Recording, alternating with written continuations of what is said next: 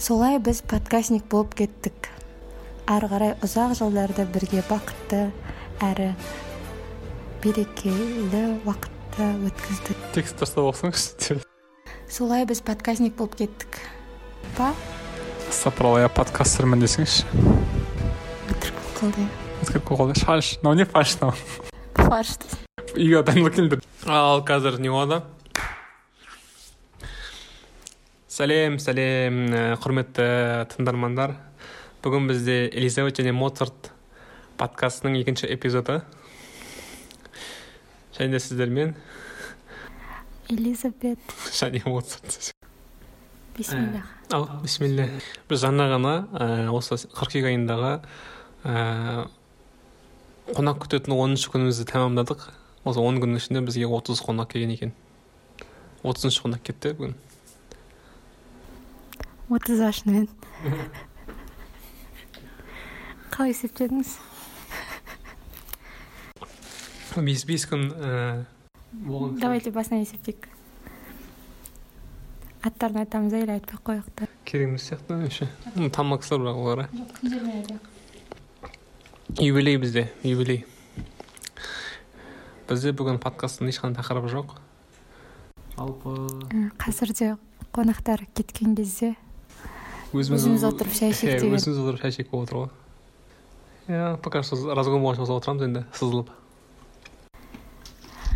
иә миыма мен айт, айттым ғой жаңа андай состояние болып тұрмын деп вкл болып тұр ғой вкл ма тупыйсың вкл ма иә сондай состояние болып тұр қазір сосын ә, жуылатын ыдыстарды ойламай отырмын ойымнан алып тастадым ыдыстар жоқ сияқты. Что? Бұны бұны бізде нейролингвистикалық программирование деп аталады атайды екен. Жалпы бұл не? Мимен андай бір проблемаларды алып тастау деген сияқты мәселе ғой. Сол кітаптың авторы андай сәбіз жемейтін болған ғой. Піскен сәбіз сіз мысалы сіз әлі күнге дейін жей алмайсыз ғой дұрыс па? Иә сіз үйреттіңіз ғой соны. Мен үйреттім. Қалай жеуді? Бірақ бәрібір мен сәбіздің дәмін сезіп тұрамын сезіп тұрамын дегенде то есть ұнамайтын дәмін бәрібір ұмытқан жоқпын. Бірақ жей беремін дұрыс жасамадым кажется. Андай былай айтқанда мысалы ұнамайтын тағам- тағамымыз ұнайтын тағамымыздың ііі ассоциациясымен дәмін иісін ауыстыруға болады екен. Бірақ сол дұрыс деп ойлайсыз ба? Иә дұрыс деп ойлаймын. Бір нәрсені таза өзінің дәмін жоғалтып оны басқа нәрсемен қабылдау. Қараңыз мысалға мәселен мен мен ііі кішкентай кезімде капуста жемейтін болғанмын себебі маған мәжбүрлеп капуста жегізген. Үйдегілер сосын не болды? Ііі мен жетінші сыныпқа дейін ііі бізде түскі ас беретін болды ғой. Сол сол уақытқа дейін мен капуста жемейтін едім да.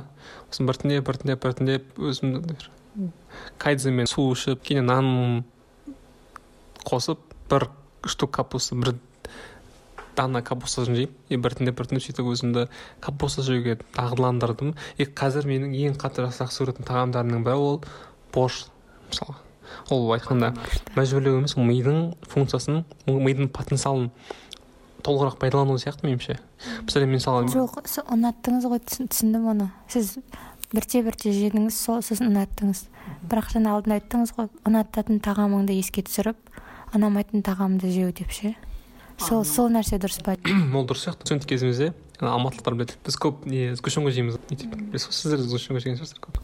Жемегенбіз деп айттым ғой сізге иә мысалы мен сгущенканың жауы болғанмын ғой сосын сгущенканы жемес үшін мен бүйттім ал сгущенка қатты тұрып қалған кезінде бір иіс бар да андай металлдың иісі бар да не қапқа сап сары болып кетеді ғой андай сонда металлдың иісін елестеттім аузым тұрған сияқты елестеттім сосын соны сгущенкамен дәммен ауыстырған кезімде сгущенка жемей қалдым мен ой аузымда сол дәм тұрған сияқты болып тұрады да қазір мен әлі күнге дейін сгущенка жемеймін қазір мысалы қызық бірақ мен әлі қабылдай алмай тұрмын негізі. Мхм жақсы. Былай айтқанда оны адамдардың эмоциясын өлшеп тастауға көмектеседі нлп деген нәрсе. Саналы әрекет етуге көмектеседі. Сосын тағы не нәрсеге көмектеседі? Мм, сол көп нәрсеге көмегі бар негізі. Мм, айтқым келген нәрсе мынандай ғой менің. Жаңағы бағана сол бір нәрсеңізге қадалып қалдым ғой.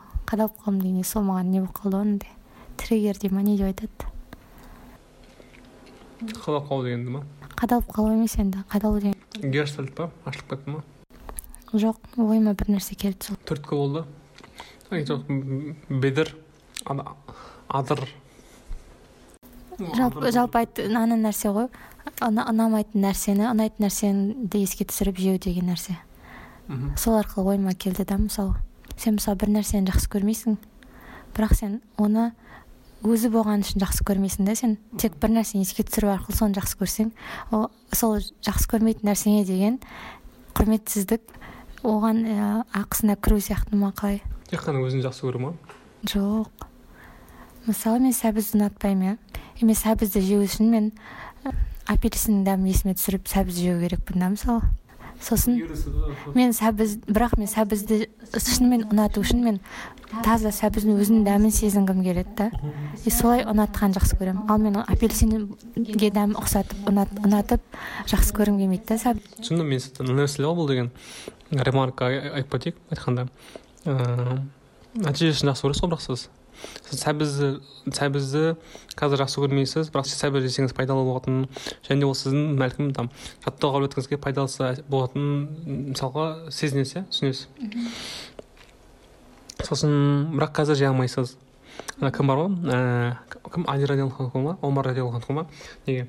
«А, ықыластың есігі ә, рия есігінен ашылады дейтін ше? Кім сөзі?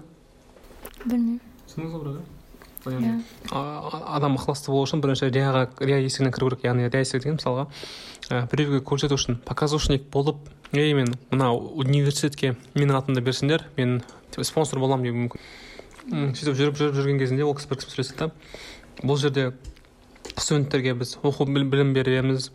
Қазақстанның ә, елінің дамуы үшін көптеген жұмыстар жасалуы тиіс. Бізде педагогтар жетіспейді. Сол себепті біз осындай кадрлар дайындау үстіндеміз. Олар біздің болашағымыз сіздердің балаларыңызға сабақ беретін кісілер осы кісілер болашақта деп болашақта министрлерді форбстың тізіміне кіретін кісілерді оскар сыйлығын алатындарды нобель алатындарды грэмми алатындарды тәрбиелейтін осы осы ә, университеттің студенттері деуі мүмкін мысалға. Осы мәссаған иә шынымен де деп ана жерде адам еліміз үшін жеріміз үшін немесе алла аллах үшін аллах разылығы үшін деп біл- білмеймін. Бәлкім балаларымыз үшін болашағымыз үшін деп өзінің ниетін өзгертіп тастауы мүмкін. Сөйтіп ол басында бәлкім бірақ андай өзінің атын менің атымды берсіндер ғана университет ашамын деп келген кісі ақыр соңында. Таза ниетімен еліміз үшін жеріміз үшін деп бәлкім университет ашуға көмектесті да дәл сол сияқты мәселе ғой. Мысалы сіз сәбіздің дәм- дәмін жақсы ол көрмейсіз. нәрсені басында ғана қолдану керек иә. Иә дә- сәбіздің дәмін жақсы көрмейсіз сосын апельсиннің дәмін жақсы көресіз бірақ апельсиннің дәмін елестетіп елестетіп жейсіз да белгілі бір уақыт өткеннен кейін сіз сәбіздің өзінің дәмін қайтарасыз. Қайтарғанда мен оны жақсы көре бастаймын иә ба сізде эмоция сақталып қалады да себебі. Ал бізде оның факт есімізде қалмайды да эмоция есімізде қалады ғой. Сол апельсин екенін ұмытып қаласыз да бірақ оны апельсин кезіңізде эмоцияңыз есіңізге түсіресіз күлдіңіз мына жерде бір рахат рахат сездіңіз тіліңізде ана бір күшті бір сезімдер болады ғой. Дискотека болып тұр тіліңізде. Соның бәрін есіңізге түсіріп сәбіз жақсы көріп кетесіз былай айтқанда қызық қиынырақ иә бірақ. Менің травмаларыммен ондай нәрсені қабылдау қиынырақ. Травма туралы кетіп қалдық па? Жақсы айтпайық ондай нәрсе. Позитивный нәрсе айтайық. Айтқанда кез келген жерден плюс табуға болады негізінен алдыңғы подкастта біз адам не өзінің жақсы көретін ісімен айналысу керек немесе ісімен жақсы көруі тиіс дедік қой. Шынымен де мысалға ә, кез келген нәрседен жақсы көретін нәрсе таба алсақ болады. Бәлкім бірақ ол сенің потенциалыңды ашпауы мүмкін да ол. Мәселен адамның несі? Дүниеге келген кезіндегі адамның мақсаты ол дирижер болу мүмкін. Немесе артист болуы мүмкін артист болуы мүмкін. Бірақ ол қазір мұғалім болып жүр мәселен. Е мұғалім болып жүрген кезінде ол әрине оның артист болатын потенциалы ашылмай жүр. Бірақ та мұғалім болып жүріп ол мен еліме пайдам тиіп жатыр ғой деп бір ойлау арқылы өзіне бір позитивный бір эмоция ала алуы мүмкін. Немесе дәл солай қалай артист болмай жүрмін мен? Уақытымды босқа кетіріп жүрмін деп негативті эмоцияны алуы мүмкін. Немесе ә, пол жуушы болса да. Е пол жуушы жүрмін ба сонда сонда мен осы үшін келдім ба өмірге? Екінші жағынан мен мына жерде еліміздің болашақ болатын балаларының бастап жүрген полын жуып жүрмін деген сияқты ой болуы мүмкін. Бірақ бұл жерде мынандай мәселе бар. Егер адамның потенциалы максимумы сол өзінің болашағын көріп тұрса басқа жерден бәлкім басқа жаққа кеткен дұрыс шығар андай өзін уақытша алдап позитивно ойлап жүргенше. Мен сізге осыған ұқсайтын нәрсе айтып едім ғой есіңізде қандай? Ана адам жаратылғандағы жаңа болмысына берілетін есімдер одан кейін шариғат бойынша орын алатындар деген ше соны екіншісі дұрысырақ деген. Айттым ғой айта берейін ба да не дейсің? Раб хас деген болады деп айттым ғой бір адамда мысалы. Басында раб хас деген типа не болады? Мидязы болады темпераменті болады. Мысалы мен дүниеге келемін сіз флегматиксіз ғой білесіз ба флегматик меланхоликсіз ғой иә. Жоқ ондай емес иә соған ұқсайтын есімдерді айтамын да. Мысалы мысалы менде осындай есімдер болуы мүмкін. Әл халиқ әл бәри әл мусауир тағы да бірнеше есімдер да. И сол сол есімдер бар. Мысалы әл халиқ жаратушы ғой. Халиқ па холиқ па? Жақсы холиқ. Халиқ деген артист алдына артист деп едіңіз ғой. Артист емес андай не едіңіз кесуші ғой ол творчестволық мамандықтар дұрыс қой. Жаратушы ғой творчество деген бір нәрсені жарататын нәрсе ғой творец иә ол холик. Иә. Холик халик деген екеуі екі түрлі ма иә халик деген шаштараз деген сөз кесуші деген сөз халик па жоқ тура сол х-ның орнына ха а халик деп айтып жатырмын мен? Иә. Менде не жоқ қой махрадж сол халик әл бәри әл мусауир үш есім болатын болса мысалы и олардың біреуі жаратушы екіншісі кемшіліксіз жаратушы идеально қылып істеуші да бәрін перфект. Үшіншісі мұсауир бір мүсін береді көркем бір нәрсе жасайды. Бірақ мен оны істейді айналысатын болсам мысалы мен мүсінші болсам да мысалы мүсін жасаймын и адамдардың суретін саламын. Бірақ ол маған берген болмысымды орындап жатқан боламын ше мен. Жаңағы болмысымда бар ғой ол, ол есімдер. И мен потенциалымды сол арқылы ашып жатқан боламын. Ал бірақ мен ол потенциалымды ашқаным үшін менен раббы хас риза болады да мен болмысыма берілген есімдердің иесі разы болады да менен. Ал екіншісі ә, шариғат бойынша. Ал шариғат бойынша бізден сұралады сұралатын нәрселер да. Бірақ біз мүсінші болып адамдардың мүсінін салсақ типа ол дінге қайшы келетін болса шариғатқа қайшы келетін болса бізден бізден сол, сол бойынша сұраламыз. Яғни жаңа сіз айттыңыз ғой бір адам болмысында дирижер болуы мүмкін бірақ ол мұғалім болып жүр деген сияқты ше? Бірақ ол ол сол арқылы да орындаған болуы мүмкін да. Өйткені біз ақыретте шариғаттан сұралады екенбіз да бірінші болып негізі. Яғни потенциалыңды шариғатпен үйлестірген кезде сол ең күшті не болатын сияқты. заңдар ғой мысалы. Мұғалім болып жүріп та ол сол мұғалімдік арқылы сұралады дейсіз ғой шын таланттарын аша алдым ба деп. Иә сол арқылы сұралады да ол көбінде жаңағы сен дирижер неге дирижер болмадың деп емес типа мұғалім болып жүрген кезде сен типа қалай аштың деген бұл деген қазіргі нәрсеге шүкір ету деген нәрсе ғой айтқанда. Қазіргі нәрсеге шүкір ету бар нәрсеге шүкір етсең сен аты нәрсе ашылады деген сияқты. егер де ол толыққанды мұғалім болатын болса яғни өзінің ісін жүз пайызға жүз он пайызға істейтін болса ол оған басқа жұмыс берілетін еді бәлкім. Завуч болатын еді да. Завуч деген дирижер ғой былай айтқанда. Басқа жағынан қарайтын болсақ. Бірақ ол толыққанды мұғалім болмай мұғалімдікке не істеуі мүмкін шекат не еді күпірету айтқанда не істеуі мүмкін е проблемасы көп бүйту көп жұмысы көп жұмыс ұнамайды деп айтуы мүмкін бірақ ол өзінің жұмысын елу пайызға ғана қолданған болуы мүмкін оған жаңа мүмкіндіктер берілмейді ал егер де ол өзінің жұмысын екі жүз пайызға орындайтын болса бастықтардың айт, айтқанынан бөлек экстракуррикул нәрселер жұмыстан тыс нәрселер істейтін болса ол кезде оған мәссаған мына жігітке тағы жауапкершілік берейік мына кісіге қосымша жұмыстар берейік деп айтады ғой сол уақытта сосын олар басқаша жұмыстар беріле бастайды мысалы бізде ондай мысалдар бар. Айтпай ақ қояйын бірақ қазір мысалы турасында бізде мұғалім бар ол қазір неде? Мысалы қарағандыда қазір оқу жөнінен орынбасар болып жүр иә сол потенциалға қатысты тағы да айтқым келген нәрсе. Мысалы айтады ғой бәрі потенциалыңды ашу керек типа ең маңызды нәрсе потенциалыңнан сұраласың деп. Бірақ сол кезде көп сол жаңағы нәрсені ұмытып кететін сияқтымыз біз негізі шариғат деген ше. То есть исламдағы адамдар да. Мысалы басқа адамдарды алып қарайтын болсаң исламда емес адамдарды алып қарасаң мысалы оларды айта аласың да несін потенциалын ашып жүр деп айта аласың ше мысалы? Сондай күшті дәрежеде мысалы әнші ма андай профи болған да сол әнші, әншілікте. И пианист деген сияқты немесе күшті художник. Бірақ ә, оны немен байланыстырмаған шариғатпен байланыстырмаған бірақ олардың жаңа бойындағы ә, берілген есімдер толық өтеліп жатыр и сонда аллах тағаланың несі идеальный болып тұр да ол адамдар да орындап жатыр аллах тағаланың есімдерінің көрінуін орындап жатыр шариғат жоқ просто ше. Ал мына жақтағы адамдар исламдағы адамдар может шариғатта жүр да ана ана жақ толық ашылмай жатуы мүмкін ше. Типа европа мен азия деп алып қарайтын болсақ. Барлық адам айтқанда аллах тағаланың есімі по любому көрініп жатыр деген ғой көрсету не себеп болып жүр да. Арткалайдар деген не бар да проект бар да? Шеврон деген не бар? Білетін шығарсыз ғой сондай сол сол кісілердің спонсорствосымен арткалайдар деген проект болған. Оған үш мыңға жуық заявка болған ғой. Сол үшін мен кіріп кеткенмін ғой мен проект ұсынғанмын. Ол жердегі адамдармен бізде шілде тамыз қыркүйек айында үш ай бізде сабақ болуы тиіс болған. Мен шілде айында бүйтіп бүйтіп қатысып жүрдім сол уақытта ол арт коллайдердің мақсаты шығармашылық кісілердің барлығын ортаға жинап бір проект ұсыну ғой. Енді ол кісілердің мен түсінгенім бойынша өздерінің бір құндылықтары бар да ана жерде адамдардың. Сол кісілер творчество адамдарына бірінші құндылықтарды сіңдіреді да ана жерде.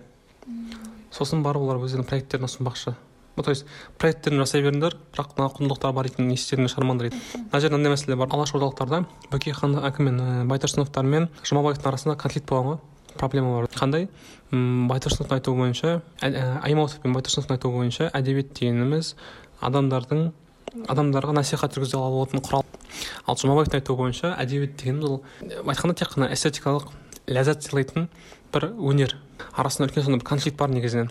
Артқылайда да адамдардың да мақсаты сондай сияқты андай өмірге ешқандай штампсыз шаблонсыз қарай алу яғни діннен де то есть сен ұлттан да жоғары қарауың керексің діннен де жоғары қарауың керексің түсіндіңіз ба? Неге қарау керексің айтқанда сен сен ііі бұрындары адамдар тайпамен шектеліп қалған ғой мен найманмын сендер мысалға дулатсыңдар араласпаймыз. Мен наймандардың ғана мүддесін қорғаймын деген сияқты. Одан кейін біз кіші жүзбіз сендер орта жүзсіңдер мен кіші жүздің ғана мүддесін қорғаймын деген сияқты. Одан кейін біз қазақтармыз сендер орыссыңдар біз қазақтардың ғана мүддесін қорғаймыз деген сияқты. Ал одан да жоғарысы мен мен мұсылманмын сендер христиансыңдар мен мұсылманның ғана мүддесін қорғаймын деген нәрсе бар дейді да.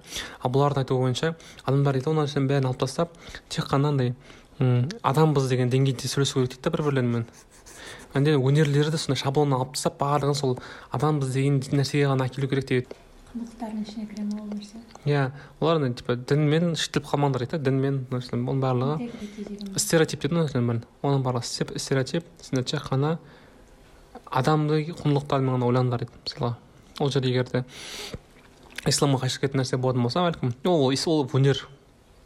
Это искусство. Это твоя проблема сен стереотиппен ойлайсың деген сияқты әңгімелер айтылады и бір қызығы сол төрт бес семинардан кейін ә, диспут болған кезінде мен маған кім хабарласады андай бас менеджерлер хабарласады да ол танымал не ғой суретші ғой. Алло азат мырза қалайсыз амансыз осындай осындай. Сіз сабаққа дұрыс қатыспай қатыспай жүрсіз бүйтіп жүрсіз сөйтіп жүрсіз. Ақыр соңында мені жобадан шығуға итермеледі бірақ оны маған тікелей айтпай тұр да контекстпен айтып тұр. Мен айтамын мен шыққым келіп тұрған жоқ деймін ана кісіге ше? Маған сабақтар ұнап жатыр как раз әнуар деген ақын бар сол кісінің лекциясын дәрісін тыңдағым келіп жүр деймін. Сосын түсініп тұрмын анау мынау бірақ анау мынау дейді. Яғни екеуміздің құндылықтарымызда конфликт бар. Мен исламияда мен премодернист яғни мен ә, ну көптеген істерімде постмодерн элементтер болғанымен де мен ислам мен мұсылманмын да айтқанда. Менің құндылықтарым барлығы мұсылманның призмасы арқылы өтеді. Ал ол кісілер адами құндылықтармен қараймыз ананың бәрін төменге алып тастайды. Сосын адами құндылықтарды қандай екенін кім шығарған деймін да оны. Білмеймін сол ақыр соңында мен шықтым жобадан шыққым келген мәселе бұл жерде андай ә, ол кісілердің потенциалы ашылып жатыр. Стереотиптерден тыс ашылып жатыр да көрдіңіз ба мысалы кейбір кісілер болуы мүмкін. Мысалы мұсылман ыыы фотографтар мысалға олар андай ұятсыз нәрселер салма суретке түсірмеуі мүмкін бәлкім. Андай қыздардың ашық шашық суретке киімдерін фотоға түсірмеуі мүмкін да бәлкім. Еркектердің там білмеймін абйерін суретке түсірмеуі мүмкін деген сияқты ғой. Ал кәдімгі фотографтарға бәрібір да оларға түсіре береді. Бұның өзі өнер да ол кісілер үшін. Түсіндіңіз ба бұлар солай да өзінің потенциалын ашып жатыр ма деген мәселе ғой. Дұрыс қой сол жаңағы жаңағы айтқан нәрсеге келеді ғой сол сіздің айтқаныңыз иә. Табиғат ағайын аудиосында бар ғой типа. Әл әл мумит деген есімі болады бір адам бойында. Ол өлтіруші деген ғой. Бірақ адам ол адамды өлтірсе ол потенциалын ашқан болып есептеледі да негізінен. Бірақ оны ә, ол үшін аллах тағала сол үшін берген да адамдарға шариғатты ше ә, соны қалай қолдану керек екенін білу үшін. Ол не істейді? Ол сондай өліммен қатысты жұмыстарда жүре алады ше. Жаназа шығара алады. Немесе моргта жұмыс істей алады. Немесе доктор бола алады деген сияқты. Айтады ғой адамдарды. Сізге де айттым ғой. Сол нәрсені. Мысалы қорқыныш болады жақсы көру болады адамдарда. Оны мысалы жаңағы ешқандай несіз призмасыз ойланамын деген адамдар оны любой оңды солды қолдана береді да ол сезімдерді ше? Ал шариғат берілген кезде аллах тағала айтады менен ғана қорқыңдар басқалардан қорықпаңдар деп ше? И бізде сондай не пайда болады? Приоритеттер пайда болады ше? Мені ғана жақ, мені жақсы көріңдер и басқаларды мен үшін жақсы көріңдер ал жаңағы стереотипсіз деген кең ойлаймыз деген шеңберден шығып кететін дегендер олар типа бәрін жақсы көре беру керек мысалы. Педофилдер педофилдерді де деген сияқты. Ше и олардың да олар адам деп олар мысалы теңсіздік нағыз теңсіздік сияқты да сол. Типа біз бәріміз теңбіз дейді. Бірақ білмеймін. Сондай темаға бармай ақ қояйық энтропия деген нәрсе бар. Бұл физикадағы ғылым барлық нәрсе хаосқа ұмтылады деген нәрсе бар. Бүкіл нәрсе хаосқа ұмтылады яғни адамдардың да өздері хаосқа ұмтылады табиғаттың өзі хаосқа ұмтылады мысалы мәселен егер де біздің дым істемейтін болсақ мына үй шашылады деген сияқты мәселе ғой. Үй шаң басады деген сияқты мәселе. Немесе адам бір дым істемейтін болса ізденбейтін болса дым отыр әшейін отыратын болса жалқаулық болып кетеді тамақ қосуы мүмкін немесе арып кетуі мүмкін немесе андай не энтропия дейді ғой стагнацияға кетіп артқа кері шегініп кетіп қалуы мүмкін да адам. Не оқыма мысалы сіз бәлкім бір белгілі бір уақытта спортпен айналысып жүрдіңіз қойып кеттіңіз барлығын ыыы ол дисциплина керек та ол нәрсені жалғастыру үшін. Бірақ сіздің дисциплина ана бізде болмағаннан кейін біздің энтропиямыз арқылы хаосқа кетіп қалдық сосын не болдық біз салмақ қосып кеттік яғни артық салмақ жинап кеттік деген сияқты мәселе ғой. Яғни бүкіл нәрсе энтропияға ұмтылады бүкіл нәрсе әлемдегі. Мм тіпті мен сол жаңағы нәрсеге келетін сияқты бәлкім иә. Бұның алдындағы тема қандай? Мысалы өнердегі мәселеде қараңызшы. Қазір пост иә қазір постмодерн дейміз ғой. Битниктер дәуірі деген болған да америкада ше. Битниктер дәуірінде мәселен қараңыз кітап болатын болса кітапта бәрі түсінікті негізінен. Бірақ андай сыпырақтарын умаждап әріптерін бөлектерін сөздерін бөлек жыртып тастайсыз да кіллеп қойсаңыз бөлек бөлек әрқайсысын хаоспен түрлі ше ол түсініксіз болады. Бізге жаңаша мағына береді. Ал битниктер дәуірінде керуактар сөйтетін болған ойлаңызшы. Олар андай оны не дейтін еді монтаж монтаж дейді да ол нәрсені постмодернде монтаж деген сюжет бар. Андай бір бір әңгіме жазасыз? Сосын парақты төртке бөліп тастайсыз? Сосын өзіңіз қалағанша кіллеп қоясыз сөйтіп роман шығарып тастайсыз. Адамдар сол жерде не істейді? Аллюзия жаңаша мағына жағынан нәрсе табады да. Ал білесіз ғой адам деген кез келген нәрседен жаңа мағына тауып алады. Біз алдында әңгімені талдаған кезде есімізге түсірдік қой сол туралы айтсақ болады күн белгілі бір уақыттан кейін өзін өзі сөніп қалады ғой. Бұл да хаос қой айтқанда. Жарылып деген сөз да адамдардың энтропиясы ең жоғары деңгейге жеткен кезінде адамдар қайтыс болып өледі. Адамдардың денесі андай саморазрушение яғни өз өзін бұзуға арналады. Белгілі бір уақыттан кейін мысалы жүз жастан кейін жүз жиырма жастан кейін адамдардың ағзасы іштегі хаосты тежеуге күші жетпей қалады. Адам қайтыс болады содан яғни өз өлімінен өз өлімінен қайтыс болу біз энтропияның ең бір пик дәрежесі ғой. Энтропия онда ұқсаған ұқсайды екен ә, неде? Истинное врачеваниедағы не нәрсе? Адамның зікірі тоқтаған кезде өледі деген нәрсе мысалы айтады да охотник дейді да бір нені мысалы олень оленьді ма бір нәрсені? Елікті. Біз қазақ тілін қорғайтын адам азаматтарданбыз елікті өлтіре алмайды дейді да егер оның зікірі бітпесе дейді. Тек қана ғалымдар зерттеген өлген өлген еліктердің бәрі охотниктің қолдарына түскен еліктердің бәрі ауру ауру еліктер болған ше. Яғни бүкіл ағзасының барлығы, барлығы сау елікке оқ тимейді екен. Аллах тағаланың сондай бір заңдылығы бойынша не үшін десе ол каждый ана клет, клеткалар бар ғой.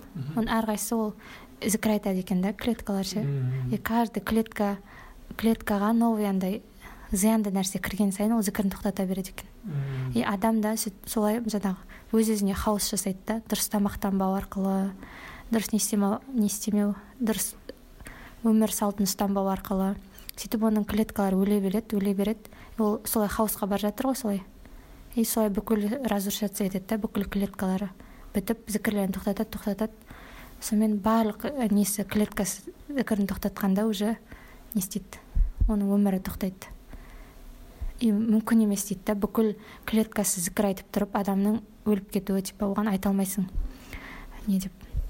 Уақытынан бұрын өліп кетті деп айта алмайсың да ондай адамға? Қандай ол ең пик дәрежесінде өліп қалды. Пик дәрежесін төмен түсіп бара жатқан кезде. Зікір айтатын нәрсесі ол өзінің ең пик дәрежесі ғой. Өзінің несі андай денесін жүз пайыз қолданып тұрады. Төмен түсіп бара жатқан кезде ол өлімге жақындап жатыр деген сөз ғой. Әмір ибн ас деген радиаллаху сахаба бар ғой.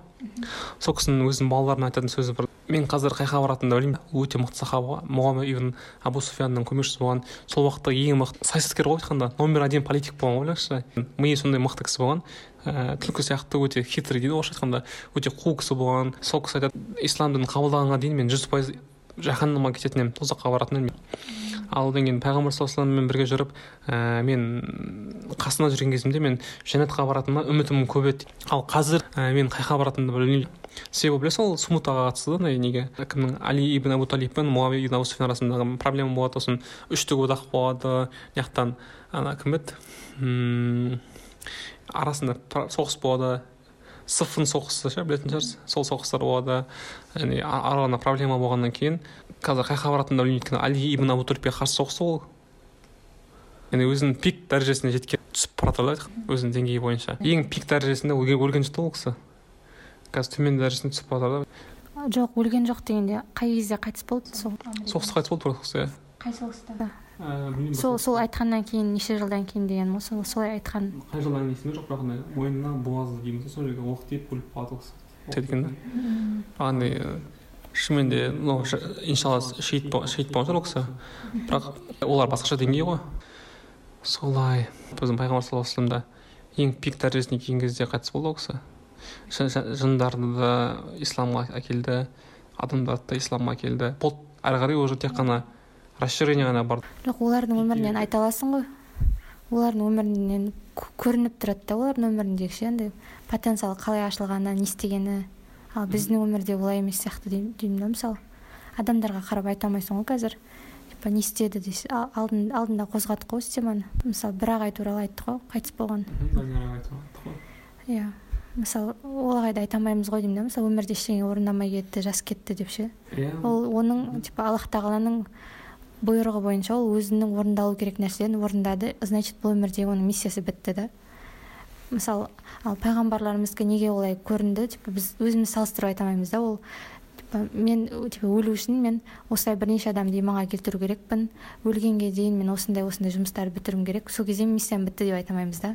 Ал пайғамбарларымыздікі ондай болған себебі біз біздің андай ұмтылатын нәрсеміз сондай болу үшін да олар бізге сондай жол көрсетіп кетті ше. Типа осындай дәрежеге келгенде ол қайтыс болды. Типа сен өлімге дейін осындай нәрселерді жасауға ұмтыл деген нәрсе да. Ал бізде бізде конечно ұмтыламыз осы нәрсеге. Бірақ біз қашан өлетінімізді білмейміз ғой. Бірақ бізге қарап и, біз өлген адамдарға қарап ондай пікір дұрыс емес сияқты да. Жаңағындай. Ол армандарына жеткен жоқ. Ол потенциалын ашқан жоқ. Ол осылай істеу керек еді жетпей қалды. Жас кетті. Или немесе артында бала шағасы қалды. иә. Ол ол сондай білмеймін. Андай не бар екен да? Ыыы икигай дейміз ғой. Икигай дегенді біз айтамыз. Мен икигайыңды таптың ба икигайыңды таптың ба деген сияқты ше. Негізі жапондар өздерінің икигайын білесіз ба қай кезде табатынын? Жоқ. Өлерінің алдында табады екен икигайларын ше. А менің өмірге келген кезімдегі ісім осы екен ғой деген сияқты негізі мен көп ойлайтын нәрсем жапондар дегенде жапон жапон. Иә негізі икигай дегеннің мағынасы сенің өмірге келген деген өзіңнің жұмысың деген сөз ғой айтқанда сен ақша таба алатын елге пайда тигізе алатын өзіңнің қолыңнан келетін жақсы көретін деген нәрсенің төртеуін біріктірген икигай пайда болады қоғам мұқтаж деген. Сол біз икигай олар былай айтқанда бір күні ол мұғалім болып жүріп басқа күні басқа болып кетіп сөйтіп жүріп өлетін кезінде басқа маман болып шығуы мүмкін директор болып шығуы мүмкін да. Әр адамның өзінің миссиясы бар. Және ол белгілі уақытта өзгеріп отырады. Мәселен ә, миссия дегеніміз менің жеке пікірім бойынша ұм, сіздің ғана көретін проблемаңыз және де оны басқа біреулер байқай бермейді. И азат қоя салшы и соны да проблема деп тұрсың ба бұдан басқа нәрсе таппадың ба осында проблема көресің ба деген нәрсе ең үлкен проблема болуы мүмкін ол сол уақытта. Бәлкім данияр ағайын өзінің потенциалын ашқаннан кейін максимумына жеткеннен кейін ары қарай стагнация кетіп қалып ол керісінше өзінің репутациясына жұмысына зарар ә, зардап шегу көп болуы мүмкін. Өзінің жұмысын дұрыс атқармау көбірек болуы мүмкін еді бәлкім. Сол себепті оны айтқанда алла тағала оны мархаметпен рахымшылықпен алып қойды. Анда бар еді мысалға. Олай да болады енді бірақ білмейміз ғой. Күнәһар адамдардың барлығын залым кісілердің өмірлерін ұзартып қояды олардың күнәлары көбірек болу үшін дейді. Андай мұсылман емес дейді да олар көбірек күнә қылып алла тағаланың өзінің жауларының өмірін ұзартып қояды дейді. Не үшін екенін білмеймін. Күнәлар көбірек болу үшін дейді да. Қайда айтады оны? Білмеймін бір жерден оқып естідім мен мен ойлайтын едім керісінше. Аллах тағала возможность бере береді деп осы қашан иманға келеді екен? Алла тағала өзінің жаулары бар ғой енді. Бірақ оны изнилля дейміз алла тағаланың қалауымен бүкіл нәрсе өзгеріп кете салады. Ә, және де кейбір ә, құлдары бар мысалға. Олар ары қарай қиналып кетуі мүмкін екенін біліп тұрып алла тағала уже жанын алып қояды сол уақытта ше. Бұзылмай тұрған кезінде ана білесіз ғой ана мұса мен ә, кім еді? Мұса алейхисаламмен иә мысалға кішкентай балалар өлтіріп тастамай ма? Неге? Өйткені ол өскенде андай елді өлтіретін сондай елдің несі болуы мүмкін. Иә елдің залым адам болады дейді ата анасын өлтіреді дейді. Бірақ қазір ол өлтірген кезде жұмаққа барады ғой иншалла. Себебі ол не? Кішкентай сәби ғой ол и сол содағы түсінетін нәрсе сендер аллах тағаланың ісіне араласпаңдар дейді ғой. Иә мұса алейхисалам сұрақ қояды ғой типа неге істедің деп ше? Иә иә. Сен сабырың жетпейтін еді деп айтқанда главный смысл сол ғой. Типа аллах тағаланың кішкентай баланы өлтіргенде сен не үшін деп айтпауың керек та? Иә бұны бізде кеше айбек айтып отыр да бізге. Алла тағаланың ісіне араласпай бұны бұны не үшін істеуіміз керек деп айтпайтын кісілер да ііі мағбуд деп атайды екен. Иә одан кейін екінші дәреже кісілер бар. Не үшін деп айтады мысалға? Отыз күн ораза ұстауымыз керек рамазан айында десе. Не үшін отыз күн ораза ұстауымыз керекпіз неге жиырма тоғыз күн емес неге ол именно рамазан айында деген сияқты сұрақтар қоятын кісілер олар мағбут емес дейді. Да олардың дәрежелері төмендеу болуы мүмкін дейді. Төмендеу болуы мүмкін емес төмендеу болады дейді. И солар сабыр жетпейтіндер дейді да аллах тағаланың ісін түсіну иә. Ана өздерінің ісін айтқанда ғой не ол проактивті ойлау деген нәрсеге де келеді да. А семь навыков языка деген кітапты оқыған болсаңыз стивен ковидің бірінші бетінде проактивті ойлау дейді. Өзінің әсер ететін алаңını ғана басқар дейді мәселен ә, мен ә, сізбен мысалы кездесуге баруым мүмкін да бәлкім? Осымен бүйтіп айтамын ә, там екеуміздің кездесуіміз сағат тоғыз он жетіде болатын болса тоғыз он жетіде мен ә, кеше тоғыз жарымда барамын бәлкім сіздің екеуміздің кездесуімізге. Сосын айтамын мен сізге. Ә, кешіріңіз мен пробкада болып қалдым деп айтатын болсам бұл менің проблемам ше. Мен өзімнің жауапкершілігімді біреуге беріп қойдым да. Яғни мен пробкаға беріп қойдым да жауапкершілікті. Пробка болмағанда ертерек келетін едім деп айтып тұрмын да мен бұл жерде. Өзімнің қолымнан ешнәрсе келмейді деп айтып тұрмын. Ал егер де мен осыны ойлап пробка болып қоюы мүмкін ғой деп қара қуларды есептеп черный лебедьтер есептеп сегізде шығып кететін болсам мен сегіз жарымда баратын болсам кездесуге. Мен проактивті ойлаған боламын яғни өзімнің іс әрекетімді басқарып тұрмын да. Алдын ала проблема болып қалуы мүмкін деп ертерек ұйқыдан тұрдым да барып тұрмын. Түсіндіре алдым ба сізге? Бұл бізде проактивті ойлау өзімнің ісімді басқарып тұрмын да айтамын мен. Яғни кешігіп қалған кісі мен ііі пробкаға тұрып қалдым емес мен ұйықтап қалдым деп айту керек еді негізінен. Ертерек шықпадым деп айту керек еді мына жерде. Сылтау айтатын кезде ше. Жақсылық көрсем өзімнен жамандық көрсем өзімнен құдай құдай берді дегенді ііі мәссаған сол қазір сұлтанова тұрай қырып мен мені ұрып жатқан шығар. Ыыы құдай берді дегенді шығарамын сөзімнен ба? Сондай бірдеңе иә жақсылық алла тағаладан сол нәрсе. Жақсылық алла тағала мейірімінен ғой бізге. Андай не? Сол. Яғни бәлкім мына бала бізде проблемщик деп айтамыз да. Бірақ біз онымен там экстра бір нәрсе істеп көрдік па ол кісімен оқушымен проблемасын сөйлесіп көрдік па жеке сөйлесіп көрдік мен мұғалім болғаннан кейін мен сондай мысалдар келтіремін да негізінен. Андай иә енді мұғалім бір есікті қағады да енді қақпайтын оқушы дейді да все ол кесіп тастайды да тамырын кесіп тастайды балта шауып тастайды өміріне. Ал мұғалім ақыр жолын табады да бүйтіп сөйтіп. Бәлкім магазинге баратқан жолында бірге үйіне баратқан жолда сөйлеседі бәлкім. Бүкіл себебін шашады бірақ бұл неғып неғып болмай жатыр неғып болмай жатыр деп айтпайды да ол. Ол тағы да жасай береді ол кісі мұғалімдер. Иә иә олар өздерін центр вселенной көреді ғой пуп земли көреді ғой өздерін. Олар деген кімдер дейсің? Ол кісілер. Олардың көп болған соншалықты олардың кейбіреуі сіз болуыңыз да мүмкін деген ана жерде атып жүрген ба айтқанда өзіңнің жұмысың бар сол жұмысыңмен айналыс. Сам искал человека мира по мнению себе ма? Өзінің пікірі бойынша. Балық болып дүниеге келген кісілер бар. Бірақ олар өмір не бір белгілі бір неден кейін. Жағдайға байланысты алғашқы мінуге мәжбүр да. Бірақ балықтар олар суға жүзуге арналған ғой. Олар суға жүзетінін білгенде олар өте көбірек пайдасын тигізуі бірақ ағашқа өрмелесе бірақ өліп өліп кетеді ғой иә сосын өліп кетуі де мүмкін да бәлкім. Ал маймыл болса суда жүзіп жүр да. Иә ағашқа өрмейтін маймыл неғып суда жүзіп жүр деген сияқты мәселе ғой. Ал ол үшін біз не істеуіміз керекпіз? Ол үшін өзіміздің оларды мультипотенциал деп атайды ма teenage mutant ninja turtle деген көргенсіз ба иә иә сол мутант мутант деген истинное врачеваниеда сол мутанттар туралы жазған оказывается болады бүйткенде қозы бар ғой қозының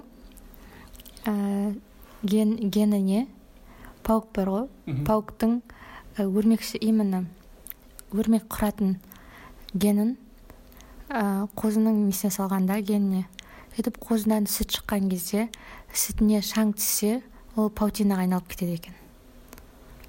И сондай нәрсе бар дейді да ғалымдар зерттеген и аллах тағаланың аяттары бар екен аллах тағала ал міне дәл дәл орысшасын орысшаны қазақшаға аударып айтып беремін әл маида сүресінің алпысыншы аяты айт айт оларға айт дейді.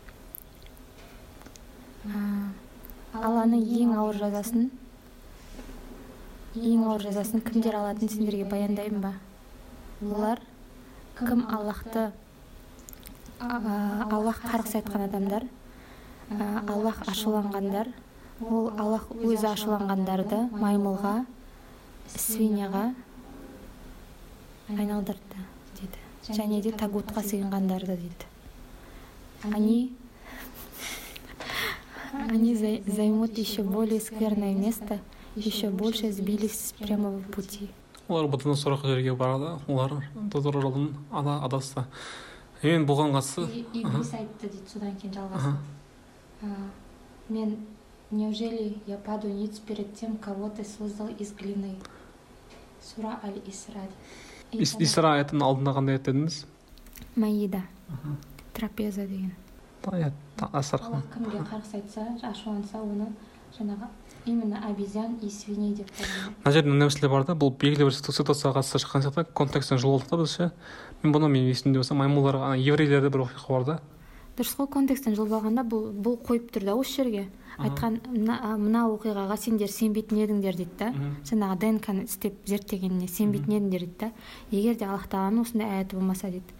Айтады если бы в аятах священного корана не говорилось об, э- об этих предупреждениях возможно это можно было бы принять за выдумку дейді сосын астында осы аяттар тұр да? Жақсы бұл арқылы не келіп тұрсыз бізге енді мутанттар бар екенін айтқым келді ғой. Жақсы қалай бастадың? мен мен уже үйрене бастадым сіз негізге. Жоқ мутант туралы не үшін айттым мен білесіз ба? Черепашка ниндзя туралы айтып кеттіңіз ғой сосын айтып үшін кеттім. айттық ол туралы? Сіз айттыңыз ғой жаңа балықтар талға өрмелейді деген. Ол мутант емес қой олар. Жоқ сосын айттым мен тасбақа құрлықта да жүреді суда да ол жүреді ол да мутант емес қой. Сосын айттым мен оказывается черепашка ниндзя түсті да сосын олар мутант емес па? Черепашка ниндзялар. Соны мутант қылып жасамай ма? Сосын айттым оказывается такой существует деп ше мутанттар люди икс деген марвелдағы бәрі. Типа жасауға болады екен да. И ал- аллахта ол адамның аллахтан қарғыс айтқан адамдар екен дейді. Да өзіме түсіндім сіз түсінбегеніңізді түсіндім сосын мен бәрін түсіндім мен. Элизабет танушы болып кеттік қой элизабет бәсе бізде бір мұғалім бар тұғын. Біз оны бекбостың тану- танушы дейміз ғой сабақтардың ше. Біздің біздің студенттер бар екен жақта оқитын.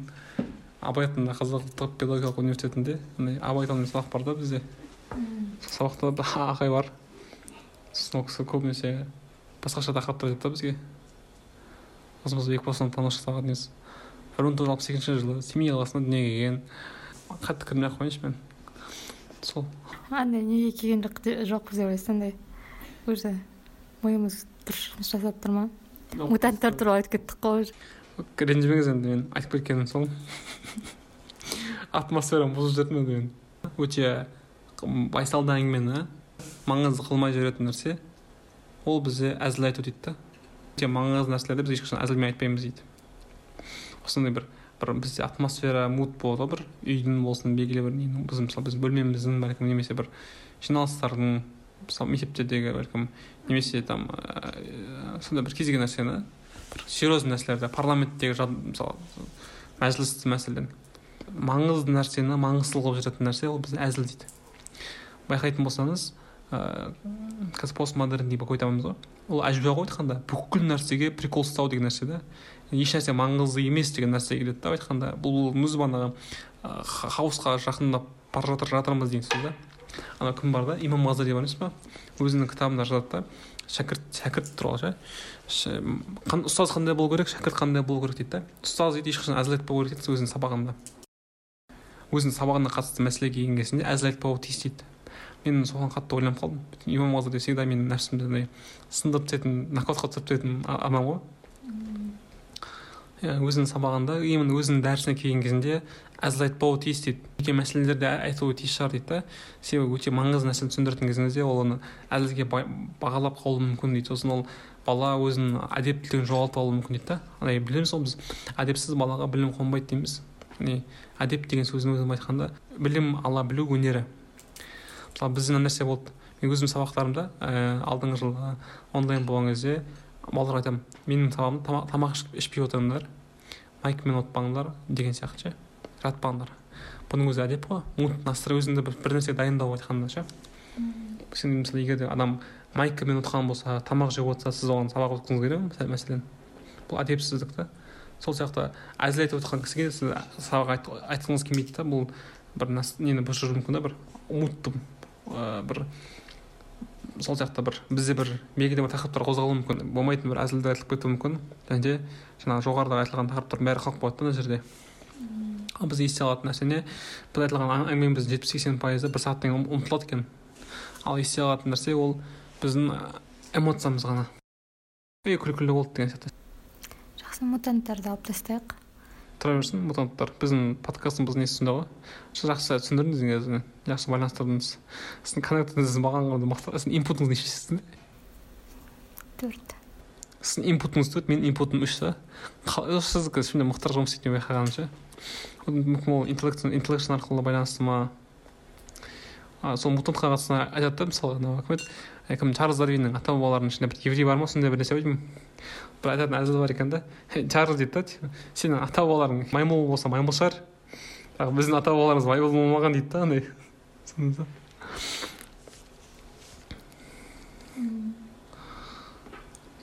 Иә сол сол сабақта біз әлі күнге жатыр ғой. Алпысыншы жылдардан бастап түркияда алып тастаған екен ол сабақтар қандай сабақ адамдар маймылдан жаратылды деген нәрсе. Лингвистикада бірінші ой пайда болды ма әлде сөз ойлау пайда болды ма әлде сөз пайда болды ма дейді қалай ойлайсыз?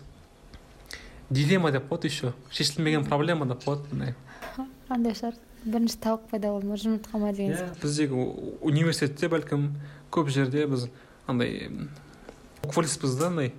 Мәселен буквалист яғни белгілі бір контекстте белгілі бір жағдайда қолданылған сөзді біз ешқандай бейімделмей өзіміздің бір немізді өзіміздің аудиториямызды есептемей қолдана саламыз. Бұрынғы нелердің гректердің қолданған мысалдарын бізде әлі күнге дейін қолданады жиырма бірінші ғасыр ғой бізде.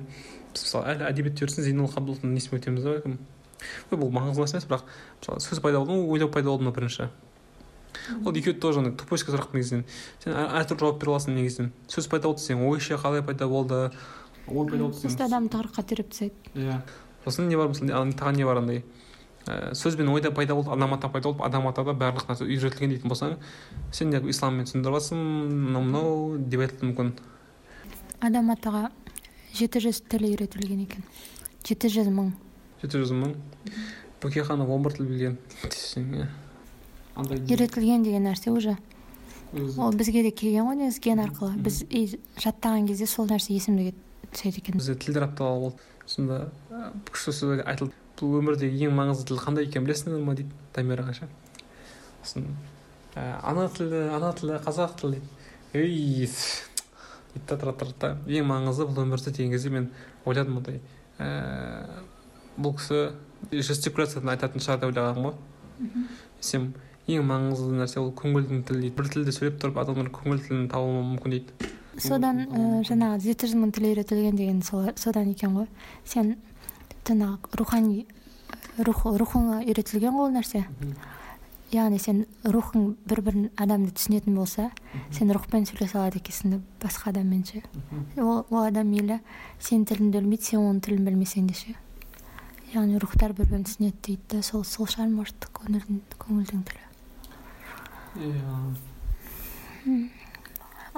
Қазір бір адам елестейді да көзіме ше адамдар то есть ей тоқтаңдар деп вообще сендер не айтып жатсыңдар бұл деген на самом деле не так это так деп түсіндіретін қай уақытта қазір ма біздің ойларымызға қарап өзім сыртынан бүйтіп анализ жасасам да енді біз өзіміздің призмамызбен сол айтып жатыр ғой в общем сіз немін дейсіз ғой в общем ана платонның білесіз ғой айтатын мысалы бар ғой үңгірдегі адам дейтін ше үш түрлі адам болады дейді анандай қанша үңгір болады адам болады сосын үңгірде ііі қап қараңғы болған кезінде бір тесік көрсе тесіктен адам қорқуы мүмкін дейді маған түсініксіз нәрсе бұл комфорт зонадан тыс нәрсе мен қорқамын адам түсініксіз нәрседен қорқады ғой сосын қорқуы мүмкін дейді екінші кісі дейді андай сол анаға жарыққа баруы мүмкін дейді жай ғана сосын көріп а қызық екен деп ойлауы мүмкін дейді үшінші кісі дейді да мына жерде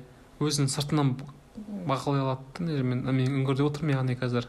Сыртта да әлем бар екен. Сыртта әлемде басқаша бұдан жақсырақ болуы мүмкін деп. Оказывается тас, тас тамақтануға арналмаған екен деп. Ана итеріп тастап шығып кетуі мүмкін дейді да. Осознанность. Өзіне сырттай қарай алу деген нәрсе. Муракаби сондай қыз мықты болып тұр ғой сонда сіздің. Сізге сізде сондай мықты деп өзіңізде. Сырттай бақылай емес қой сырттай көріп тұрсыз ғой өзіңізді сырттай көре алдыңдар дейді ғой. Маған қиын нәрсе маған сондай болды да осы. Белгілі бір уақыт мен қарай алмай қалдым да өзіме сырттай өйткені менде не болды сезімдер көбірек әмір етіп кетті да менде. Мен негізі логика ол кезде өзіңді көре алмай қалу деген қалай ол? Саналы әрекет етпейсің ғой кейбір кезде. Жоқ мен саналы әрекет етпесем де өзімді сырттан бақылап тұра бересің ғой. Сіз контроль туралы айтып жатырсыз ба. Өзіңнің әрекетіңді шынайы бақылай алады екенсің көре алдым жаңа сезімдермен шешім қабылдап жүргенде типа. Ойлайсыз ба осознаннымын мен дұрыс жасап жатырмын деп иә мен мен пайдалы нәрсемен айналысып жатырмын қазір деп ойлайсың а на самом деле ол ол жай ғана өзіңнің андай бір бір комплекстерін жабатын нәрсе немесе сондай бір нәрсе болуы мүмкін екен да оказывается оказывается иә мен бүгін ойландым да жаңа парақшама каналға бір нәрсе салған кезде өзіме каналдың аты атын білесіз ғой иә стратегия стратегия деп стратегия дейін деп жатырмын да бірақ стратегия деп. Мои негізі моей жизни деп қысқартып қысқа жаздым да негізі. Негізі мои воображаемой жизни ғой. Менің қиялымдағы әлемнің стратегиясы. Ол деген мен, мен мынандай немен құралған ғой. Сол өзімді бақылау мақсатында ше. Мен менде бір екі әлем бар да мен бұрынғы элизабет и қазіргі қазіргі элизабет деген ше оны неден алдым мен рисаледен алдым ше ескі сайт енді сайт дегеннен ше каждый ситуацияңа солай қарасаң да. мен типа қазір алдыңғы алдыңғы элизабет қазіргі элизабет деген иә алдыңғы моцарт қазіргі моцарт иә қазіргі моцарт деп. Каждый ситуацияда солай істесең сен осознанно бола бастайды екенсің да мен соны түсіндім да. Бұрынғы мен қазіргі мен деп жүрсең дәл қазір бір нәрсе жасайын деп жасайын деп кітапты оқиын деп жатасың мен осы кітапты оқығанға дейінгі мен оқығаннан кейінгі мен қандай боламын деп ойланасың да. Мен өйтіп андай кітаптарды айтпай ақ қояйын мен мен шәймеде айта салайын қазір. Бұл, бұл мені интеллектуалды байғыла ма бұл мені физикалық байғыла ма бұл мені дейді рухани байғыла ма бұл мені соның біреуі болса экономикалық байғыла ма иә. Тағы мен бір кісіні мен қазір телефонымды ашып ватсапқа кіремін. Сосын сұрақтарға жауап беремін. телеграмды ашамын. Болды стикер жазып қояды соларды іздейді іздейді сосын қояды телефон. Ютубқа кіретін кезде мен қазір ютубта мына видеоларды қараймын. Бәлкім там фокус деген навыкты дамыту үшін он минуттық видео, видео көремін. Сосын жиырма минуттық интервью беремін сосын бітті в общем отыз минут. Стикер жабыстырып қояды радикальный способ. қой андай болу үшін консистенси ережемен жүру не реально мықты болу керек ачивері мықты болу керек. Бір кісі ақ қояйын осы деп бірақ сондай бір кісі болғанын білемін да мен а болған ба ол? Қайда ол қазір? Ол кісі қазір не жоқ мен байланысым жоқ. Сіз айттыңыз ғой болған деген типа. Өліп қалды деген сияқты ма? Бұрын өткен шақ ол бұрын болған деген сияқты ше. Ол нәрсені біз өмірімізге екеуміз сіңдіріп көретін болсақ самооценкамыз түсіп кетеді екеуміздің бізде бір ағай бар андай инстаграмды өшіріп тастаған ғой. Менің жоғары бірақ дисциплинасы төмен ба сондай ол кісінің. Инстаграмда көп нәрсе сеніп қалады. Чиптеу бес төрт жи теория заговорға сенетін кісілер бар да бізде. Теория заговора мысалға андай мысалы біздің бәріміз басқарылғанбыз. Бізге нені вакцина салып жатыр бізді бақылау үшін. Бізге чип салады сол чип арқылы бізді бақылайды адамдар. Ол вакцина адамдардың ұрықтарын алып тастайды. Бұл бізде золотой миллиард деген нәрсе бар. Әлемде бір ғана миллиард адам өмір сүру керек қалғандары қайтыс болу керек. Ал қалғандардың бәрін өлтіріп тастап жатыр. Себебі біз бәрін бәрін өтірік деп айта алмайсыз ғой шындықтар бар ғой бәлкім рас та шығар ұстани бар ондай именно скептически қарайтын нәрсе ғой ол. Қалай еді? А, жас сәбилердің не- нелерінен? Денесіндегі майынан адамдар бетке крем жасайды дейді. Сол арқылы адамдар жас көрінеді дейді. Рас па ол? Иә мына кітаптан оқыдым ғой кеше. Рас па екен ол? Неден жасайтын енді мына жерде айтпай ақ қояйын да енді. Ана кісіден ана кісіден кешірім сұрау керек болды ғой маған. Жас сәбидің емес еще ол вообще. Е- яйцеклеткалар бар ғой.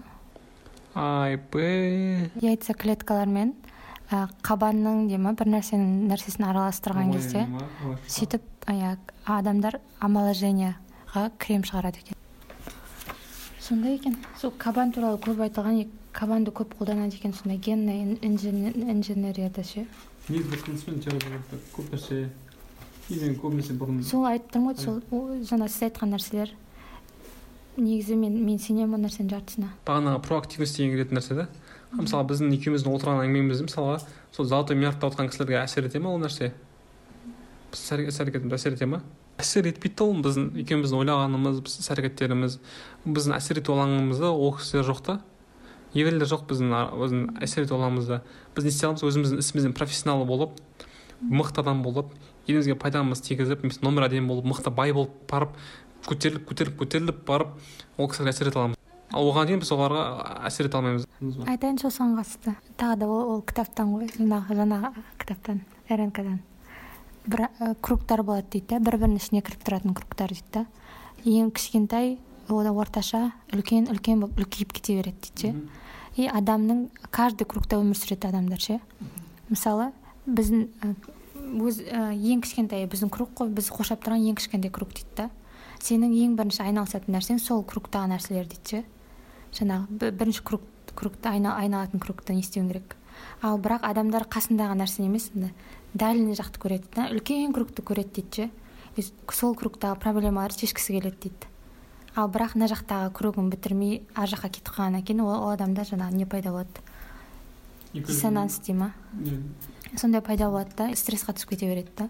На самом деле оның кругы өте қасына жақын. Дәл дәл қасында айналасында істеу керек нәрселер сондай дейді да. Ал бірақ сол адам жаңағы адамды шатастыру үшін де адамды тайдыру үшін де ол жаңағы кругқа апара береді дейді да жаңағы үлкен кругқа қарай ше. Бас- әлемде мынандай проблема болып жатыр сен болсаң типа мына жерде жүрсің. Алдыңғы подкасттағы ғұлама бір ғұлама ғалым бар ғой. Сол Лев николай Ұл- ұлы толстойдың сөзі бар. Амазондағы ормандар өршеніп отыр де- дегендер бірінші өзінің бөлмесін тазалап алсын деген бір әңгімесі бар екен да мысалы бізде саясатты көп қолдайтындар бар да. Бізде мынау мынау дұрыс емес мынау өзгеру керек мынау өзгеру керек дейтін сияқты.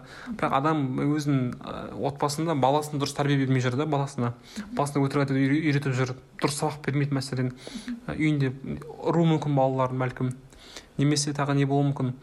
Немесе ыыы әйелімен дұрыс қарым қатынаста мәміледе болмауы мүмкін. Тағы не нәрсе мүмкін? Көршілермен дұрыс қарым қатынаста болмауы мүмкін. Мусорда жер лақ- лақтыра салуы мүмкін мәселен. Суды ысырап қылып пайдалануы мүмкін да. Бәлкім білесің содан мысалы қаттырақ ағызып қойды да жай ағызып қоюдың орнына. Айтқанда сен күнделікті өзіңнің өміріңде ыыы реттемегенсің. Бірақ сен үлкен нәрсені реттегің келеді. Бірінші бұл да шүкір. Айтқанда біздің қазір тұрып жатқан пәтеріміз бар ғой. Тура осы пәтердің иесі ә, там ә, элизабет моцарт. Сендер өте жақсы тұрдыңдар. ә, өте әдемі тұрдыңдар мына үйде өте мықты ұстадыңдар енді мен сендерге мына жерден бұдан сәл ар- арзандау бағаға мен сендерге түсіріп берейінші енді екі үш бөлмелі пәтер бар. Тұрасыңдар ма дейтін болса мен тура осындай жағдайдағы үй тауып беруі мүмкін бізге. Тура сендердің тұрғандарыңды қылайын. Басқа кісілерге сеніп тапсырғым келіп тұрған жоқ деп айтуы мүмкін ғой бізге. Ал егер де біз бұл үйді быт шыт қылып қолданатын болсақ мәселен иә андай ыыы, дұрыс емес қолданатын болсақ шашып тастайтын болсақ ол кісінің бізге осындай осындай айтуы мүмкін ба скорее всего біз үйден қуып жібереді ііі алла тағала не да андай бізге кішкентай бір мүмкіндік беріп қояды. Егер сол мүмкіндікті жүз пайыз пайдалансаң жаңа мүмкіндікті беріп қояды да бізге. Алдындағы темаға кетіп бара жатқан референс соған келді. Қарап шүкірлік болып кетті ма білмеймін ғой. Мысалы адамдардың айлығы бар мысалға жүз мың теңге адам айлығы алуы мүмкін да. Бірақ ол бір миллион теңге айлық алғысы келеді да. Бірақ ол жүз мың теңгесін дұрыс пайдаланбайды ол жерде ше. Жүз мың теңгесінің ақысын бермейді мысалға. Беретін садақасын дұрыс бөлмейді ақшасын дұрыс жинамайды дұрыс ақша жұмсамайды да. Мен бірақ мен миллионер болғым келеді дейді. Адам жүз мың теңгесін дұрыс пайдалана алмайды қалай ол миллионер болады? Алла тағала мейірімді дедік қой ол мейірімді мысалы жүз мың теңге пайдаланатын кісі бәлкім соның бір елу мың теңгесін пәтерге анау мынау беріп қойып елу мың теңгесін ішуі мүмкін жеуі мүмкін қууы мүмкін қыдыруы мүмкін да. Бәлкім қарызға батып кетуі мүмкін ойын құмар ойындарын ойнауы мүмкін да. Бірақ ол мұсылман алла тағала сол үшін мейірімді болып ол кісіге миллион теңге бермеу бермей қоюы мүмкін да.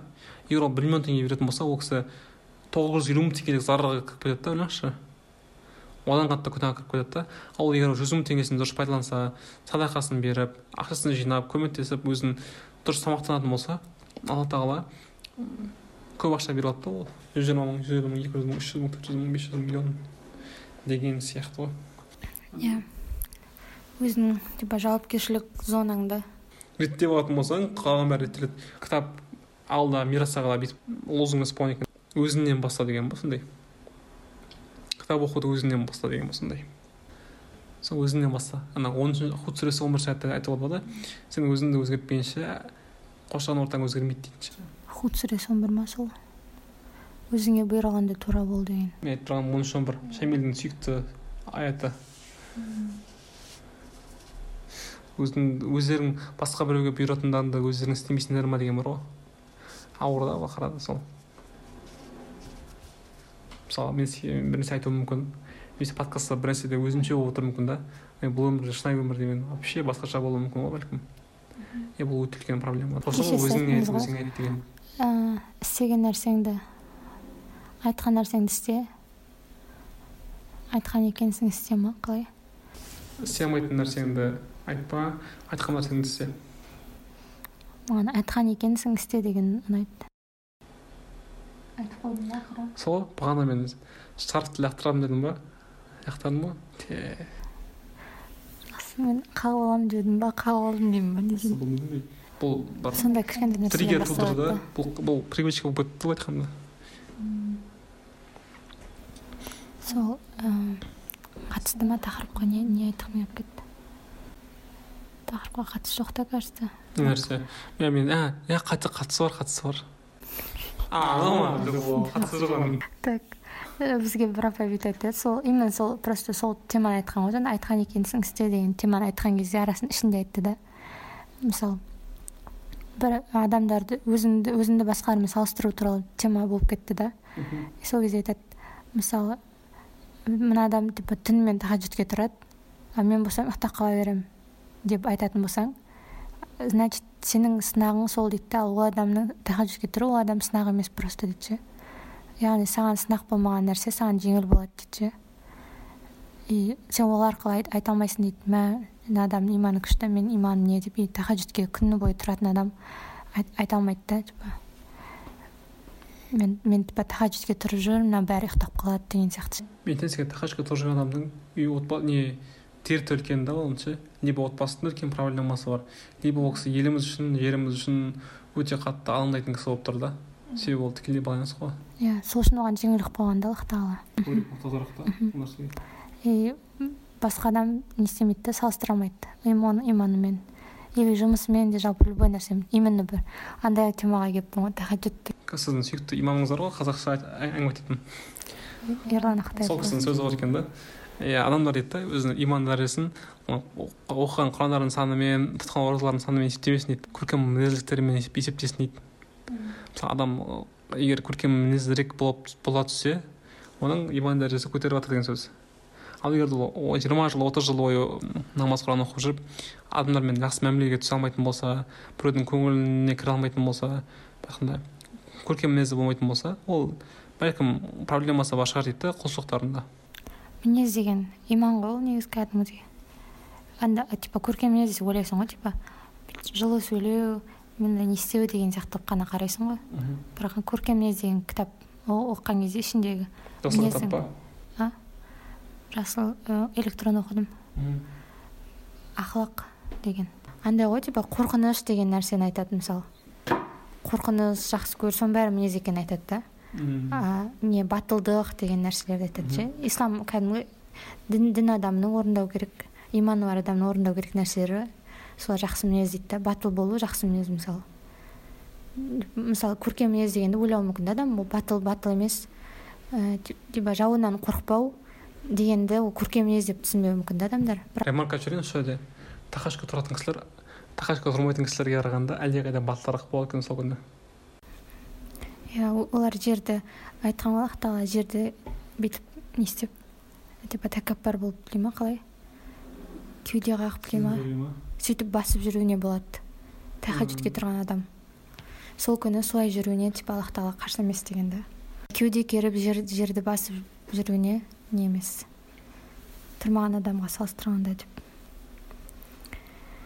Сондай. Бірақ ана әйел адам батыл болмау керек шығар бәлкім ержүрек болмау керек дейтін ше?